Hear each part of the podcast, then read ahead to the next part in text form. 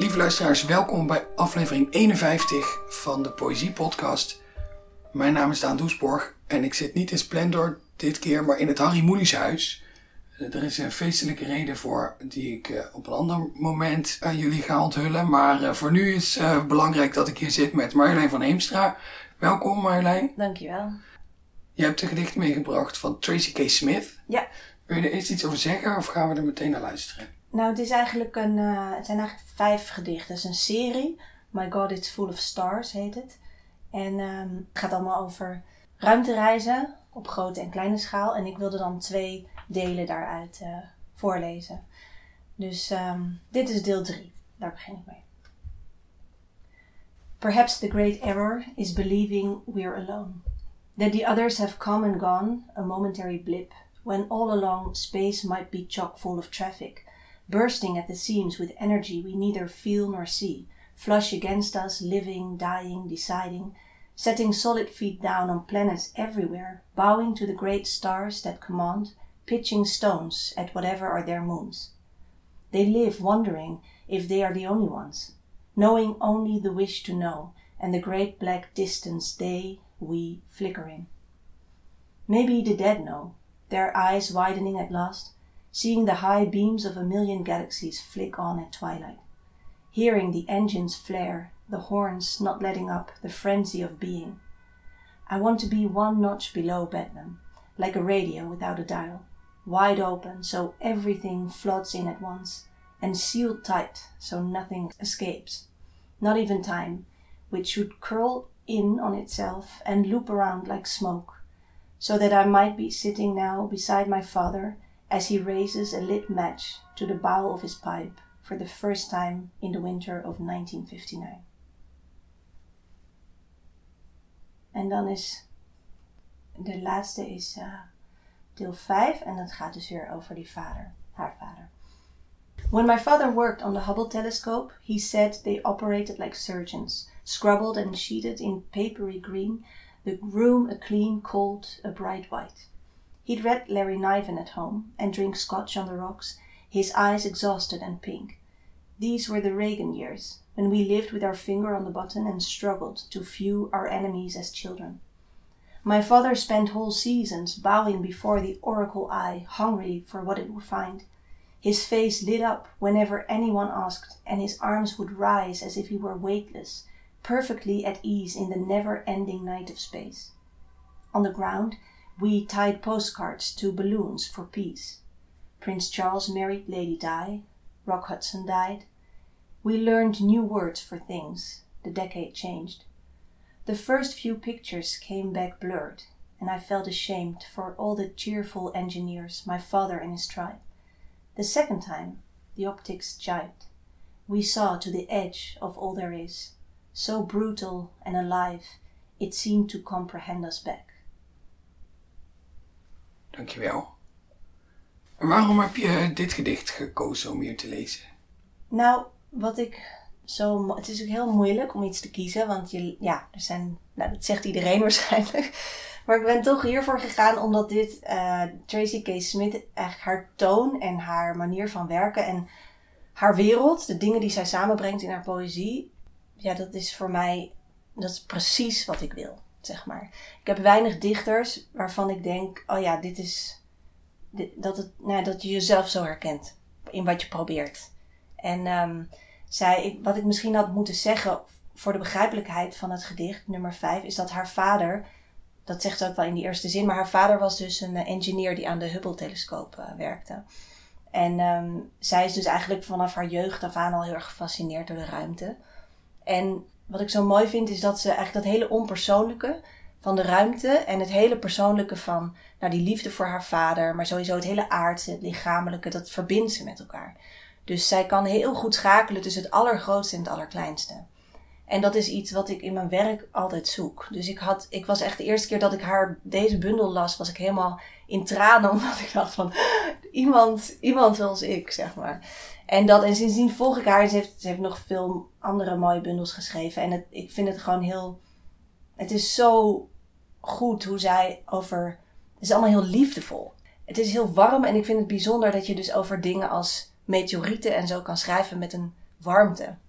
dat is, dat is niet veel mensen gegeven. Het wordt al snel heel wetenschappelijk, heel droog. Heel...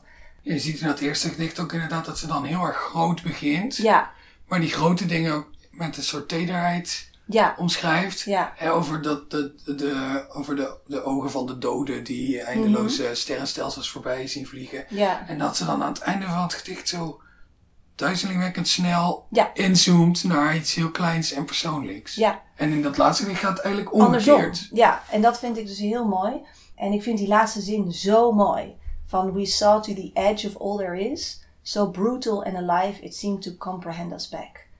Eh, ja, dat je zo wordt terugbegrepen of zo door het universum. En dat is natuurlijk denk ik ook wel een menselijk verlangen. Ja, we zien nu bijna geen sterren meer, maar in principe hebben we natuurlijk heel lang omhoog gekeken met, het, met de, ja, de hoop dat iets terugkeek of zo. En dat we begrepen zouden worden ergens. Dat vind ik heel ontroerend. En zij gaat de hele tijd eigenlijk van groot naar klein, van groot naar klein. En zo vlecht ze steeds zo haar werk aan elkaar. Ja, en het is heel, het is ook wel, ja, misschien nu, omdat mijn Engels is dan ook weer niet zo soepel, maar het is eigenlijk heel begrijpelijk. Het is heel, eh, het zijn een soort kleine verhalen of zo. Je zit er best wel snel in. En dat vind ik ook heel prettig. Hoewel ik ook, ik luisterde de aflevering met uh, Ilona Paalman en dat ging over Anne Sexton. En daar zat ik ook over na te denken, want die lees ik ook heel graag. En dat is eigenlijk tegenovergestelde van dit. Dat is best, hè, dan moet je echt vaker lezen om te snappen. Het is niet per se heel warm of zo. Het is heel raadselachtig en duister. En dit is heel, ik weet niet, het heeft iets heel schoons, deze poëzie. Wat mij heel erg geruststelt. Er ligt ook best wel een soort onderhoudend verhaal aan de oppervlakte. En er zit natuurlijk een heleboel, een heleboel onder. Ik wil het niet afdoen als, als, als inderdaad simpele eh, poëzie. En Sexton, daar moet je misschien wat meer op kouwen inderdaad. Ja. ja, hoewel je wel, als je dit vaker leest, steeds meer dingen ontdekt. En wat ik ook leuk vind, is dat ze heel veel, eh, ze gooit er heel veel wereld in, zeg maar. Heel veel, ze heeft het over, de, over Kubrick's film, eh, Space Odyssey. Ehm, daar verwijst die titel ook naar. En ehm, ze heeft ook, een van de gedichten in deze serie gaat over Charlton Heston. En dat is dus, moest ik opzoeken, dat is dan schijnbaar een oude acteur en, en, eh, en activist. En ik begrijp eigenlijk nog steeds niet waar, waarom hij erin zit. Dus ik vind wel, ze, ze, heeft, ze verbindt allemaal dingen met elkaar. En dan moet je zelf die lijntjes gaan zoeken. Dus je, dat vind ik heel knap. Je gaat eigenlijk verbindingen zien tussen dingen die je normaal gesproken nooit zou verbinden. En eh, ja, dat doet ze in heel veel van haar, van haar poëzie. Heston was jarenlang de voorzitter van de National Rifle Association. Ja, dat weet ik, want hij zat in die film van eh, Michael Moore. Oh ja, ja, klopt. Over eh, Bowling for Columbine. Maar hij was dus ook tegelijkertijd een, ehm, een enorme activist. Want hij heeft zich heel erg ingezet bij de burgerrechtenbeweging. Eerder in zijn leven. En dat vind ik ook wel interessant. Want, eh, nou ja, goed. Dat, wij kennen hem dan van die film als een soort hele foute gast, toch? Dat is in ieder geval Ja. voor ons linkse mensen is dat dan fout. Maar blijkbaar heeft hij ook een heel ander verhaal. Want ik ging dus opzoeken. Dacht ik, oh, dit is eigenlijk een man die met, of ook heel empathisch is. Of zich heeft ingezet voor iets eh, waar hij zich echt niet voor had hoeven inzetten. Dat vond ik, eh, vond ik wel mooi. Dus zo ben ik ook weer sympathie gaan krijgen voor iemand die ik eh, heel onsympathiek vond. Ja, dat maakt hem inderdaad wel veel meer een rond personage nu dat Ja. ik dat... Want ik wist dat ook helemaal. Ik zag hem inderdaad ook als zo'n soort gun-toting, heel Billy schurk Ja. voor me. Ja, ja. Ja, en nou ja, goed, dat vind ik. En dan kan je denken, oh, dat is toevallig dat dan hij zo'n dubbel verhaal heeft. Maar dat vraag ik me af. Want ik vind dat wat zij doet, is steeds eigenlijk de liefdevolle kant laten zien van de dingen. En de, de zachte kant van de dingen. Zonder dat ze de pijn en de lelijkheid uit de weg gaat. Ik denk dat ik daar uiteindelijk. eh, is misschien ook deze tijd of zo, dat ik dan heel erg behoefte heb aan dat soort poëzie. Een soort van eh, troostrijke dingen. Maar het past ook wel heel erg natuurlijk bij je, bij je eigen werk, eh, inderdaad. Ja, Bijvoorbeeld in En we noemen hem, ben je, ben je natuurlijk ook de hele tijd op zoek naar waar het soort wrange familiegeschiedenis en ook het, het, het liefdevolle en het nabije van familie, waar die Ja. elkaar raken en hoe die met elkaar in conflict zijn. Ja, ja, en uiteindelijk, wat ik uiteindelijk steeds zoek, is een soort van, ehm, klinkt heel gewichtig dit, maar een staat van mededogen of zo. Toch waarin je dan alles kan zien zonder oordeel. Nou, dat lukt natuurlijk never. Maar ik vind wel dat dat uit haar poëzie heel erg spreekt. Er zit een soort eh, hele grote wijsheid in. Van dit is, dit is wat we zijn, dit is wat we doen. En eh, laten we dat omarmen of zo. En dat vind ik heel prettig. Maar ik vind het jammer dat het niet vertaald is. Dan had ik het veel makkelijker kunnen lezen. Voel je je dan niet geroepen om dat te doen? Ja, ik, ehm, ik weet het niet. Ik vind, ik, ik- ja, ik, misschien een keer. Ik heb nu steeds andere dingen te doen. En ik bedoel, in Nederland lezen we heel makkelijk natuurlijk eh, Engels. Maar ik denk wel dat dit een stem is die nu best wel gehoord zou moeten worden. Het is ook een zwarte vrouw uit Amerika. Dit soort stemmen horen we gewoon heel weinig. Die gaan over de tegenstellingen en over de complexiteit en over, en over mededogen. Bedoel, daar heeft toch niemand het over momenteel. En dat vind ik heel interessant dat dat juist van deze vrouw komt. Ze heeft ook een heel mooi gedicht, Wade in the Water. En dat gaat over. Dat eindigt ook. Er zit zo heet het die zin in I love you, I love you, I love you. En dat is natuurlijk eigenlijk heel sentimenteel in elk gedicht. In de context waarin zij het zet, kan het en raakt het ineens weer. En dat vind ik heel knap dat ze iets, dat ze zo'n versleten zin opnieuw glans kan geven. Dan, ja, dan moet je echt een goede dichter zijn. Ja, Want dan bouwt ze helemaal op en dan komt hij zo. En ook als ze het zelf voorleest, je, je kan zo, ze heeft filmpjes staan op YouTube dat ze het voorleest. En dat is echt, ja, vind ik heel ontroerend.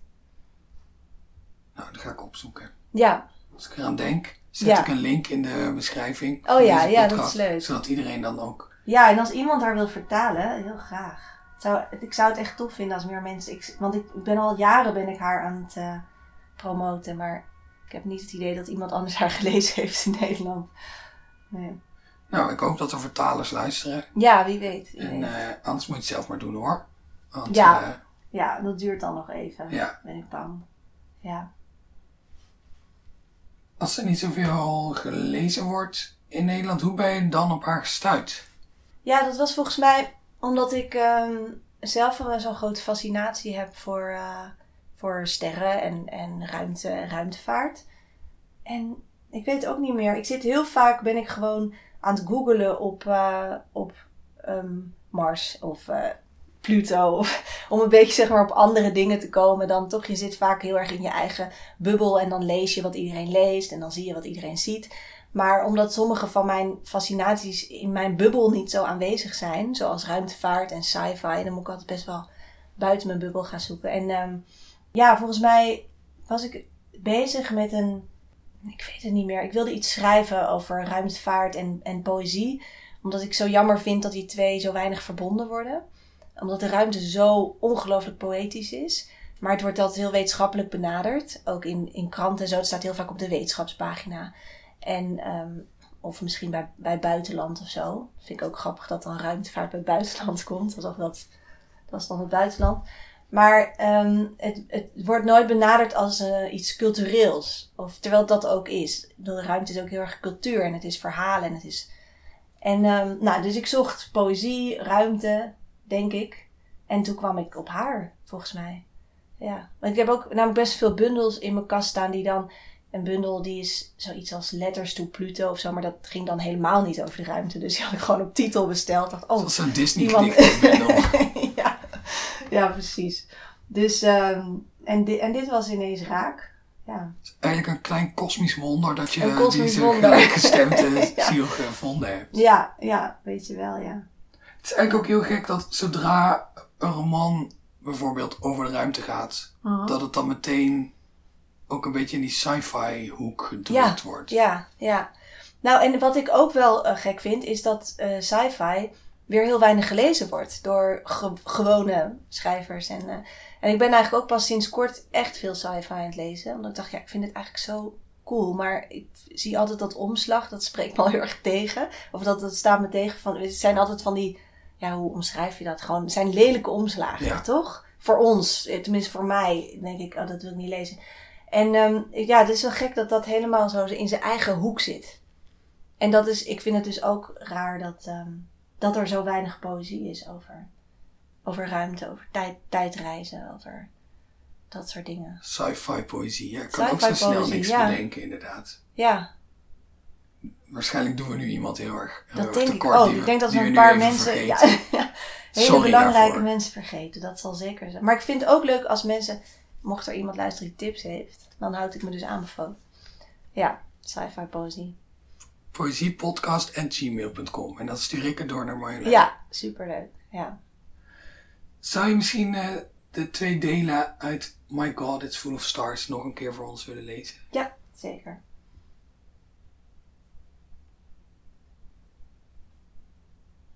Nummer drie.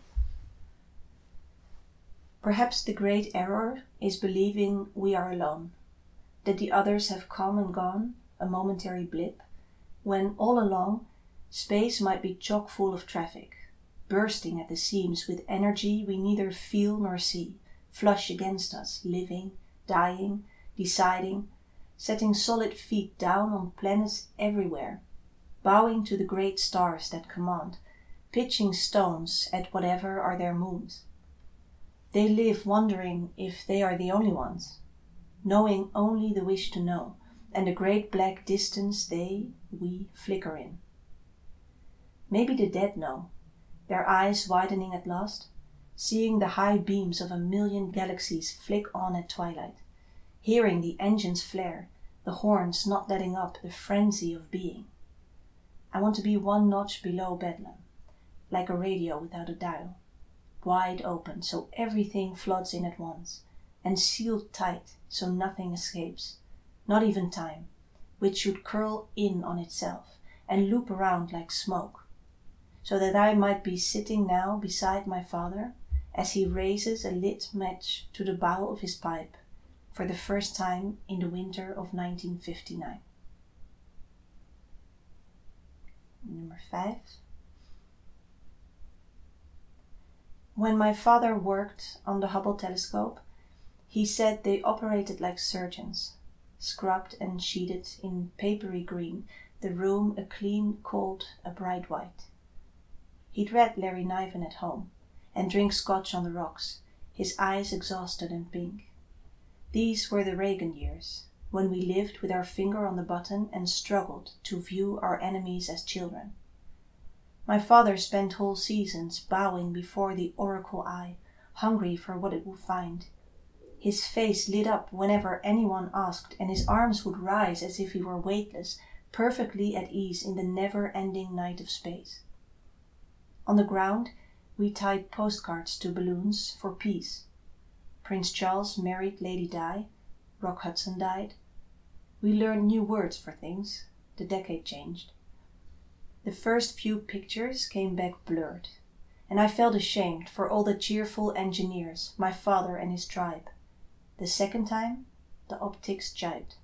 We saw to the edge of all there is, so brutal and alive, it seemed to comprehend us back. Dankjewel. Zij ruimt ook heel subtiel de hele Heel. tijd, zie ik nu ineens. Ja, en er zit heel veel, ja, het is heel veel binnenruim. En, eh, maar ook eh, inderdaad gewoon ehm, best wel eindrijm of zo. Rijm waarvan je denkt, oeh, oké, echt, echt rijm. Eh, maar inderdaad op zo'n subtiele manier dat, het, eh, dat, dat, je, dat ze ermee wegkomt.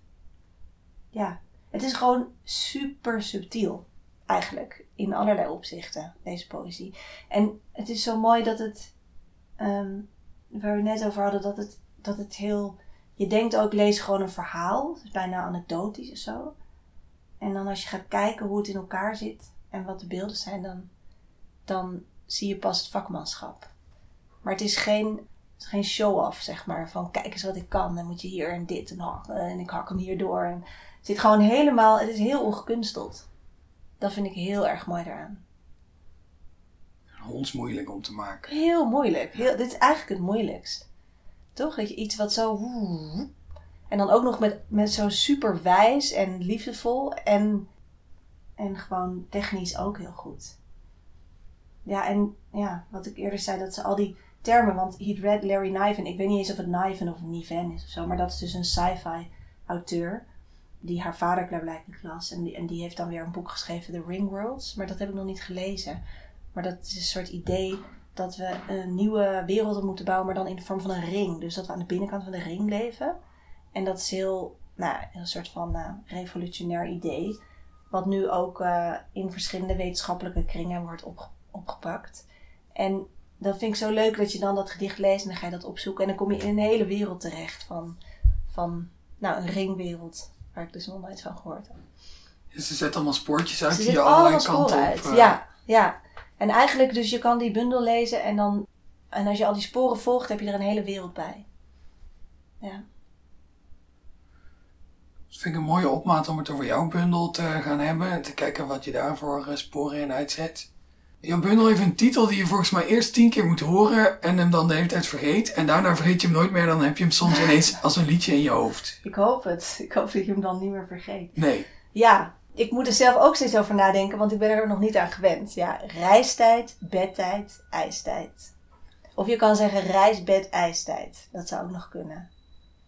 Dat weet ik nog niet. Ja, reistijd, bedtijd, ijstijd. Ja. Het is echt wel een beetje een tonbreker. Ja. Maar dat, Ja. dat is ook het leuke van tonbrekers natuurlijk. Dat als je ze eenmaal in de vingers hebt, dat Ja, je dan dan ook plezier in schept om ze er heel vaak uit te laten rollen. Ja, Ik denk dat dat met reistijd, bedtijd, ijstijd ook zo gaan. ik hoop het, ik hoop het. Ja. Zal ik iets voorlezen? Ja, graag. Oké. Ja, dit gedicht had een titel. Het, het heette Gemaakt van Duisternis. Maar zo heb ik toch weer besloten om die titel weg te halen. Dus eh, nu heeft het geen titel. Het is heel lang. Ik heb een zoon die zegt: Ik ben gemaakt van duisternis. Misschien heeft hij dat van Kung Fu Panda. Voor hetzelfde geld weet hij van wie hij afstamt.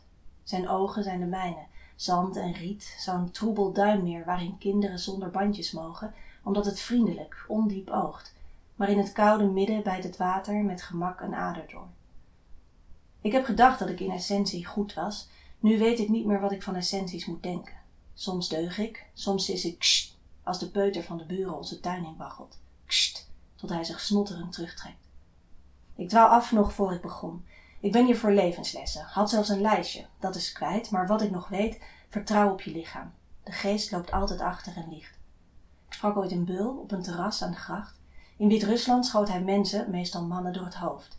Ze sterven bij bosjes, zei hij, en vreselijk jong aan de vreemdste kwalen. Het duurde even voor ik begreep dat hij het over de beulen had, op de vlucht was, voor de dood, voor zichzelf, omdat een lichaam dat moordt besmet raakt met geweld. Wat ik wil zeggen, ons geweten schuilt in ledematen. Wat geef ik ze verder mee? Of tegen? Weerstand is goed voor de ziel. Hier een struikelblok, duizend jaar privileges. Tropische bossen naar ons vernoemd, bustes, zegels, batikbloeses, lapzang in de genen en eeuwen van ksht. Hoe anders verzeker je jou en de jouwe van tuinen vol schaduw en theeservies. Pas op voor erfenissen. Pas op voor wat niet slijt. Zilver, verhalen. Luister en huiver. Tijd is een virus dat nestelt in het onverwerkte. Hij maakt wat niet geneest steeds opnieuw actueel. Tijd heelt, Amahula. Hij overleeft in open wonden. Daar kan de familie ruimschoots in voorzien. Het ratelijk. Ze dragen hun vaders achternaam. Moeders stammen niet. Vrouwspul kleeft aan de takken als eenjarig geloof. Wie kent het geslacht van de moeder van een moeders moeder? Rampzalig al die opgeheven paden, maar je kunt het ook zo zien. Vrouwen zijn een vrijer landschap, minder trots, minder schuld. Is dit tegenstrijdig met wat ik net zei over onverwerkt verleden? Iets kan alleen waar zijn als ook het omgekeerde klopt. Om hier nog even op door te gaan, de R in moeder verwijst waarschijnlijk naar een rol. Dokter, lasser, wetenschapper. Moed komt van me, proto-Indo-Europees, voor groeien, groter worden. Moeder is wie ondersteunt, wat zich uit wil slaan. Moederschap, elke vorm van vooruitgang. Vaderschap, behoud. Maar waar was ik? Toekomst. In de keten zijn we stof tot stof, materiaal voor een volgend soort met hopelijk iets minder praatjes. Niets heeft ons nodig om te blijven bestaan, behalve dan wat sinds de bronstijd rond ons scharrelt, honden, tarwe enzovoort. Maar toekomst is geen som, ze is een barst in de dimensies, die zich openbaart aan wie bereid is te ontzien. De zee splijt, de doek scheurt, de hemel breekt, tijd knakt, maakt ruimte voor het onverwachte. Het is de onderbreking van oorzaak en gevolg, kortom, het wonder. Ik hoorde ooit een Joodse mythe over vaten vol licht die op een dag in scherven braken. En die scherven werden letters, zachte schemerlampen die de scheuren willen dichten. Elk woord een samenkomst van hunkerende splinters. Elk verhaal verzet tegen het totaal dat brak. Elke lied een daad van reparatie, heimwee naar dat vat. We verlangen omdat we gebarsten zijn. Hoop komt voort uit barst. Ik weet niet waarom dit verhaal me doet denken aan twee gouden platen die de NASA meestuurde met de Voyagers 1 en 2. Zondes op weg naar de gasplaneten, die door de zwaartekracht van Jupiter de interstellaire ruimte inzweefden tot ver voorbij het gezag van de zon. Op de gouden platen staat een best-of van de aarde. Voor het geval een intelligente beschaving de zondes onderschept. 120 gecodeerde foto's, anderhalf uur muziek, gemaakt om een miljard jaar mee te gaan. Het mooiste nummer is van Blind Willie Johnson, blind als zijn naam. Hij zingt Dark is the night, cold is the ground. Of nee, hij zingt niet, hij neuriet over de nacht, die rondom en die van binnen. Blind Willie, die blind werd vanwege een aanval of verwaarloosde ogen vroeg in zijn jeugd, blind gemaakt, niet geboren. Een grotendeels zwervend, geweigerd bestaan. Donker en dakloos, kst bij de deuren, kst in de clubs. Maar in het immense vertrek van de kosmos vlucht zijn onderwindse stem nieuwe soorten tegemoet. Wie weet welke wereldvreemde avond hij straks vult met zijn geluid dat grijs klinkt en geplooid als een fossiele trilobiet. Ik dacht aan mijn zoon toen ik het hoorde, zijn duisternis, de mijne, de reis van dat lied door het zwart, de schepen met Blind Willie Johnson aan boord, die ziek van verdriet het enige zinnige deed, de duisternis inzingen. Dankjewel. Ik had dit gedicht nog niet gelezen toen ik zei, laten we eens kijken wat voor spoortjes je allemaal uitzegt. Dat is eigenlijk best een prima typering van dit gedicht. Ja. Want Ja. je gaat ook een, een soort lange stroom van potentiële zijpaden. Ja, En Ja, waarbij de ik zichzelf ook steeds weer tot de orde roept om, om on topic te blijven. ja, ja. Het is eigenlijk ja, bijna meer een monoloog. Het is ook het laatste gedicht uit de bundel. Waarin heel veel dingen zo samenkomen die ik uitzet. En tegelijkertijd gaan er weer allemaal andere sporen inderdaad. Eh, ja. Waarom heb je dit gedicht uitgekozen om hier te lezen? Ja, ik, ik wilde het heel graag lezen een keer, want ik heb natuurlijk nog niks gelezen uit deze bundel. Ehm, dus ik, ja, ik koos dit omdat ik wilde, ja, ik wilde gewoon zelf heel graag even horen hoe het, hoe het klinkt als ik het voorlees. En ik heb het natuurlijk wel aan mezelf voorgelezen, maar het is heel anders als er iemand luistert. Dan ga je echt anders, anders luisteren. En Ja. Ehm, ja, het is lang. Ehm, maar ik ben er wel, ja, ik ben er wel, wel blij mee. Ja. En is dit gedicht ook, omdat het het laatste gedicht is en het is, en het is heel lang en er komen allemaal dingen in terug, voor jou ook dan een soort, een soort gedicht dat de hele bundel bij elkaar bindt? Of, eh, Ja, ja, eigenlijk wel. Ik had dit gedicht, dit is ook een van de laatste gedichten die ik schreef. En ehm, ik had heel lang dus, een, het is eigenlijk een hele gekke bundel, omdat mijn plan was om wat oude gedichten te verzamelen, omdat die eigenlijk nergens meer te krijgen zijn. Ik dacht, vind ik leuk, dan heb ik, haal ik de beste gedichten en dan schrijf ik er wat nieuwe gedichten bij. En dan geef ik dat uit. Maar iedereen die ik sprak, of bijna iedereen, vond dat een slecht plan van ja, wat, weet je als je iets nieuws wil schrijven, schrijf het gewoon. En toen dacht ik, ja, het is misschien ook een soort verstoppen of zo. Van ik wil wel een nieuw gedicht schrijven, maar ik durf het niet helemaal te laten zien. Dus dan doe ik zo van nee, dit is gewoon oud. En dan zit dat nieuwe daarachter, weet je wel. Ik denk dat, dat, dat heel veel mensen die schrijven dat hebben van je wil schrijven, maar je wilt eigenlijk ook gewoon niet laten zien aan iemand. Dus nou, uiteindelijk groeide ehm, daar toch een hele bundel uit. Ook vanwege corona, omdat ik ineens veel tijd had, want alles werd afgezegd.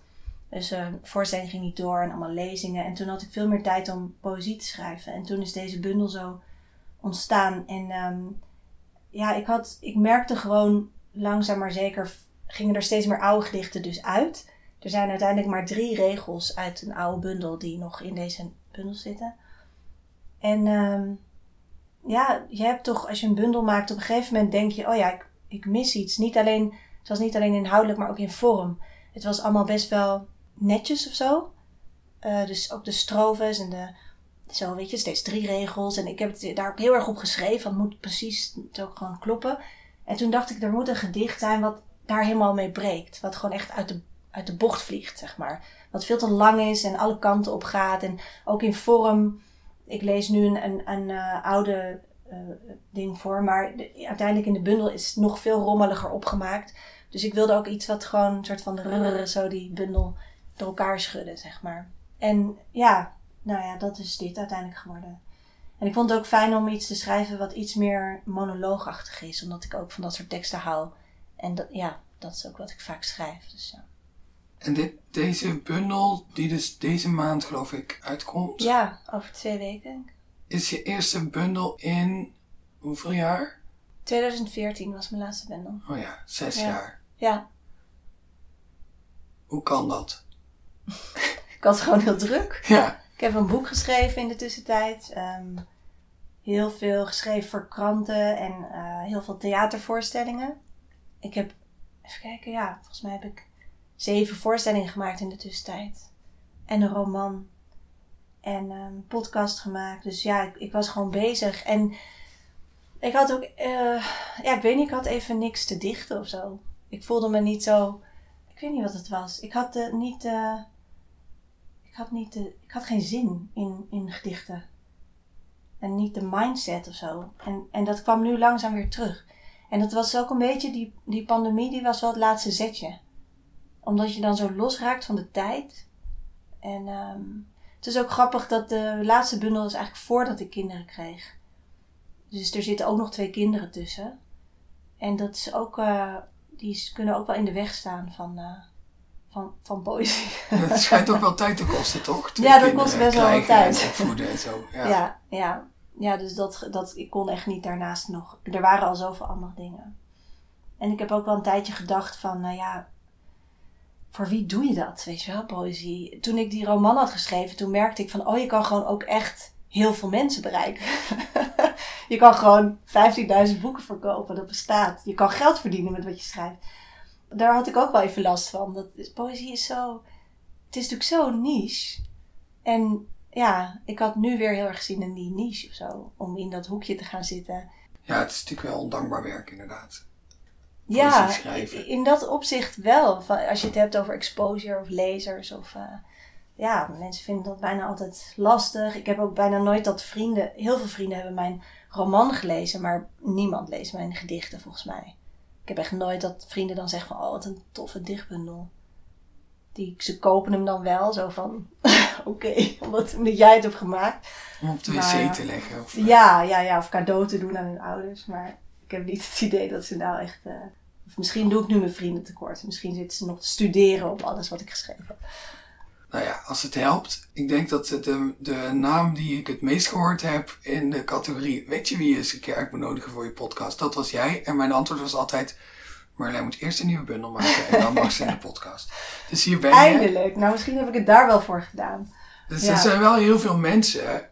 Ja, ik denk dat je dat zelf eigenlijk ook wel weet. Maar er zijn wel heel veel mensen die met heel veel plezier jouw poëzie gelezen hebben. En waarschijnlijk ook heel blij zijn dat er nu weer een nieuwe bundel uitkomt. Ja, ja, dat, ja in, die, in, de, in de dicht. Er, er is natuurlijk wel een wereld die dat leest, dat is zeker zo. Ja. Maar het is wel een kleine wereld. Ja, en ik vind het ook jammer dat het zo uh, gescheiden is van elkaar allemaal. Dat vind ik best gek. Dat je nu, toen ik mijn bundel uitkwam, allebei mijn bundels, dan heb je best veel optredens daaromheen. En dan zit je ineens helemaal in die, in die poëziestroom, zeg maar. En dan schrijf je een roman en dan ben je daar helemaal uit. En dan word je voor hele andere dingen uitgenodigd. En daar is weer ander publiek. En het is, het is zo afgescheiden, terwijl het eigenlijk allemaal dezelfde bron is. En um, bijvoorbeeld waar ik het over heb, die Voyagers uh, in dit gedicht, daar ben ik nu ook een soort voorstelling over aan het maken. Concert, voordracht, voorstelling. Die, uh, die gaat over twee weken spelen. En ja, het is voor mij, eh, verschilt het niet zoveel van elkaar. Maar het, is, het zijn zulke gescheiden werelden. Dat is echt idioot. Zou de methode Lieke Marsman een oplossing zijn om gewoon een roman te schrijven waar allerlei stukken essay en stukken gedicht in zitten? Ja. En uh, ja. dat je al die genres compleet met elkaar gaat, gaat vermengen? Ja, ik denk dat dat, uh, dat vind ik heel goed. Ja, ik vind dat ook echt interessant. Dat je, iets, dat je gewoon wordt uitgedaagd om, om buiten die kaders te denken. En ik heb nu wel uh, gedichten uit deze bundel gebruik ik ook in die voorstelling over Voyagers. Dus mensen krijgen wel, normaal gesproken zijn mijn voorstellingen um, qua taal wat uh, toegankelijker of zo, meer spreektaal. Maar en dan meer, de, de, poëzie zit hem dan meer in de gelaagdheid en de verbindingen die ik leg. Maar nu heb ik wel ook echt gedichten erin uit deze bundel. Ik dacht, ik wil, ik wil dat dit ook een leven heeft in die theaterwereld. Dus ja, probeer dat wel iets meer te vermengen. Zie je jezelf dan in de toekomst ook zo'n soort genre-overschrijdende roman schrijven? Nou, dat, dat weet ik niet. Dat, dat moet je ook kunnen. En ik, nee, ik zou zelf niet zo goed weten hoe ik dat moest aanvliegen. Dus ik vind het heel tof dat mensen dat doen. Maar ik, ja, je hebt op een gegeven moment kom je er wel achter dat je, je hebt toch een bepaalde werkwijze en een manier waarop je aangaat en waarop je een verhaal gaat vertellen. En hoe graag je daar ook wil uitbreken.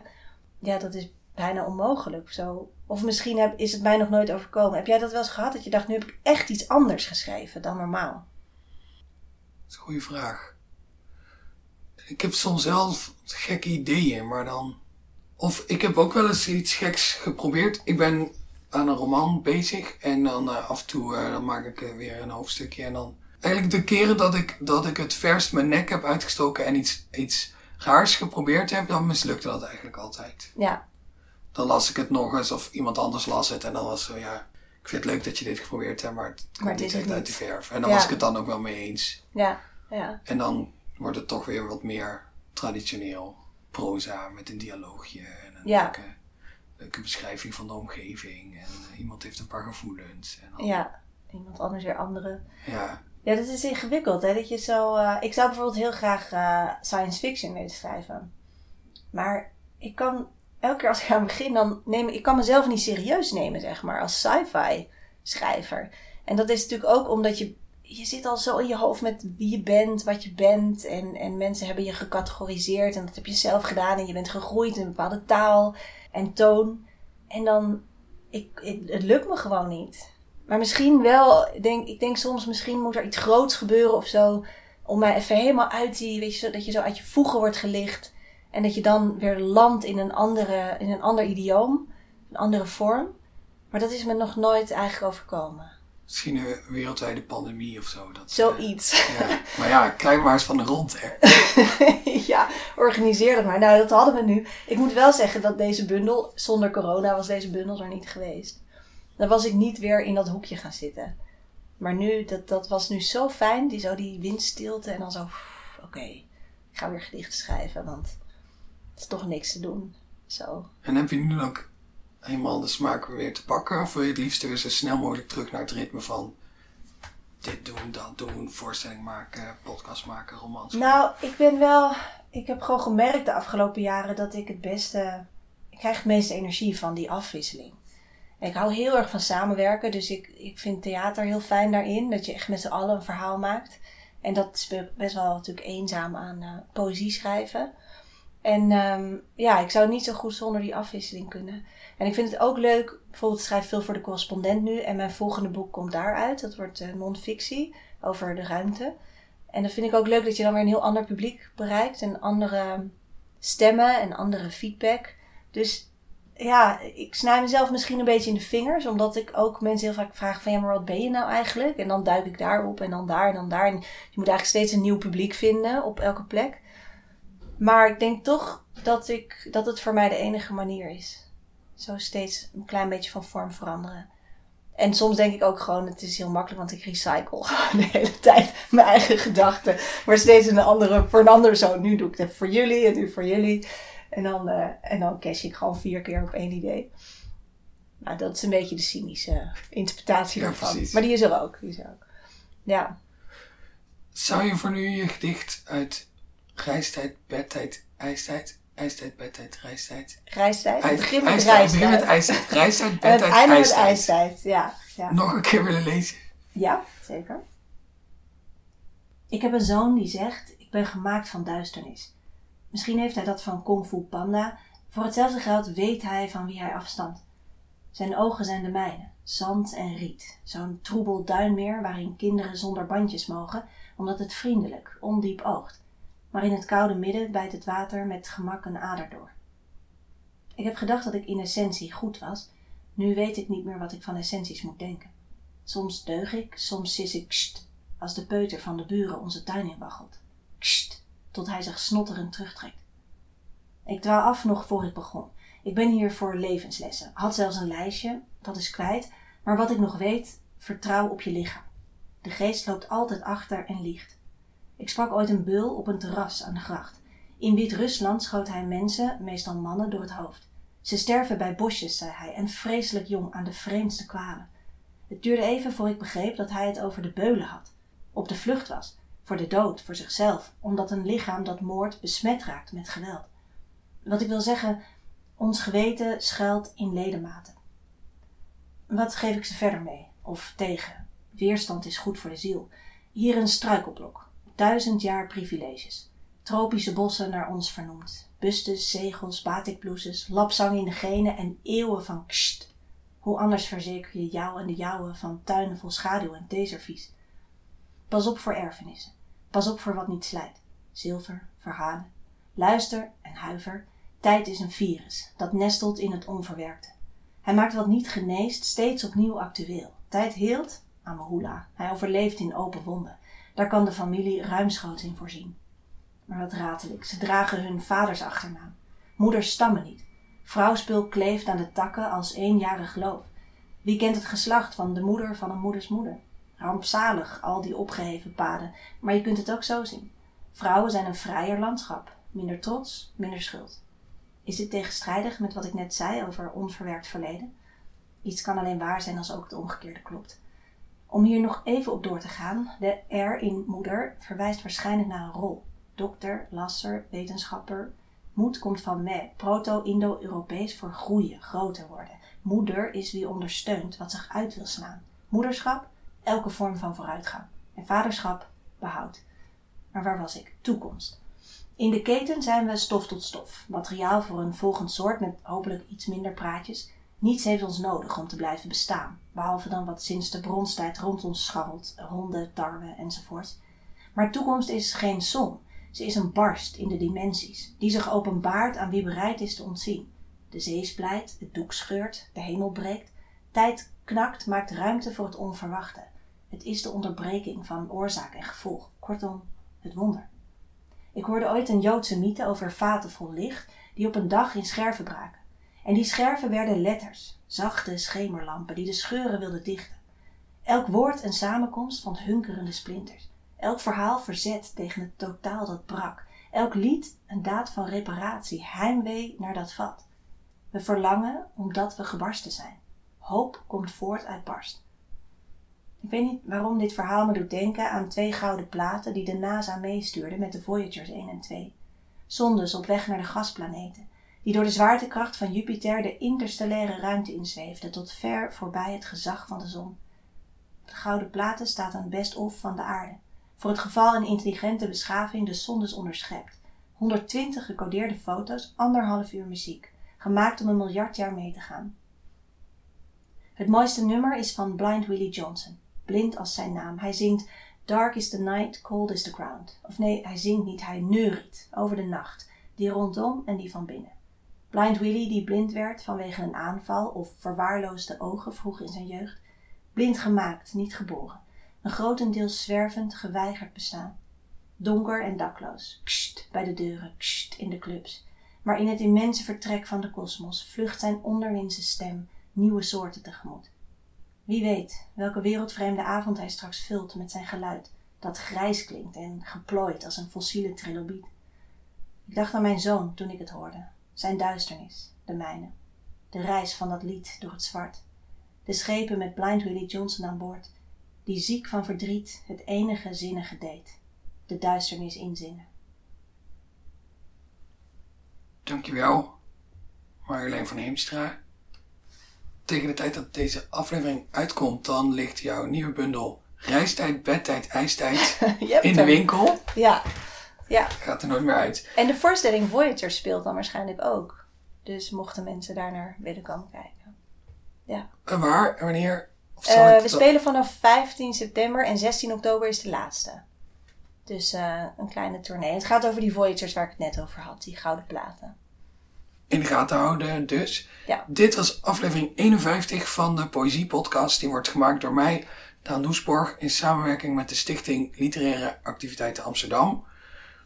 Dank ook dit keer aan het Harry Moenishuis, waar wij uh, uh, nu nog steeds uh, zitten. Maar tegen de tijd dat jullie dit luisteren, niet meer. Behalve ik misschien, want ik zit hier heel vaak de laatste tijd voor een project dat ik in de toekomst aan jullie ga openbaren. De muziek die ongeveer nu door mij wordt ingestart, wordt gemaakt door Bart de Vrees. Volgende maand is er weer een doodordinaire aflevering van de Poëzie Podcast. Graag tot dan.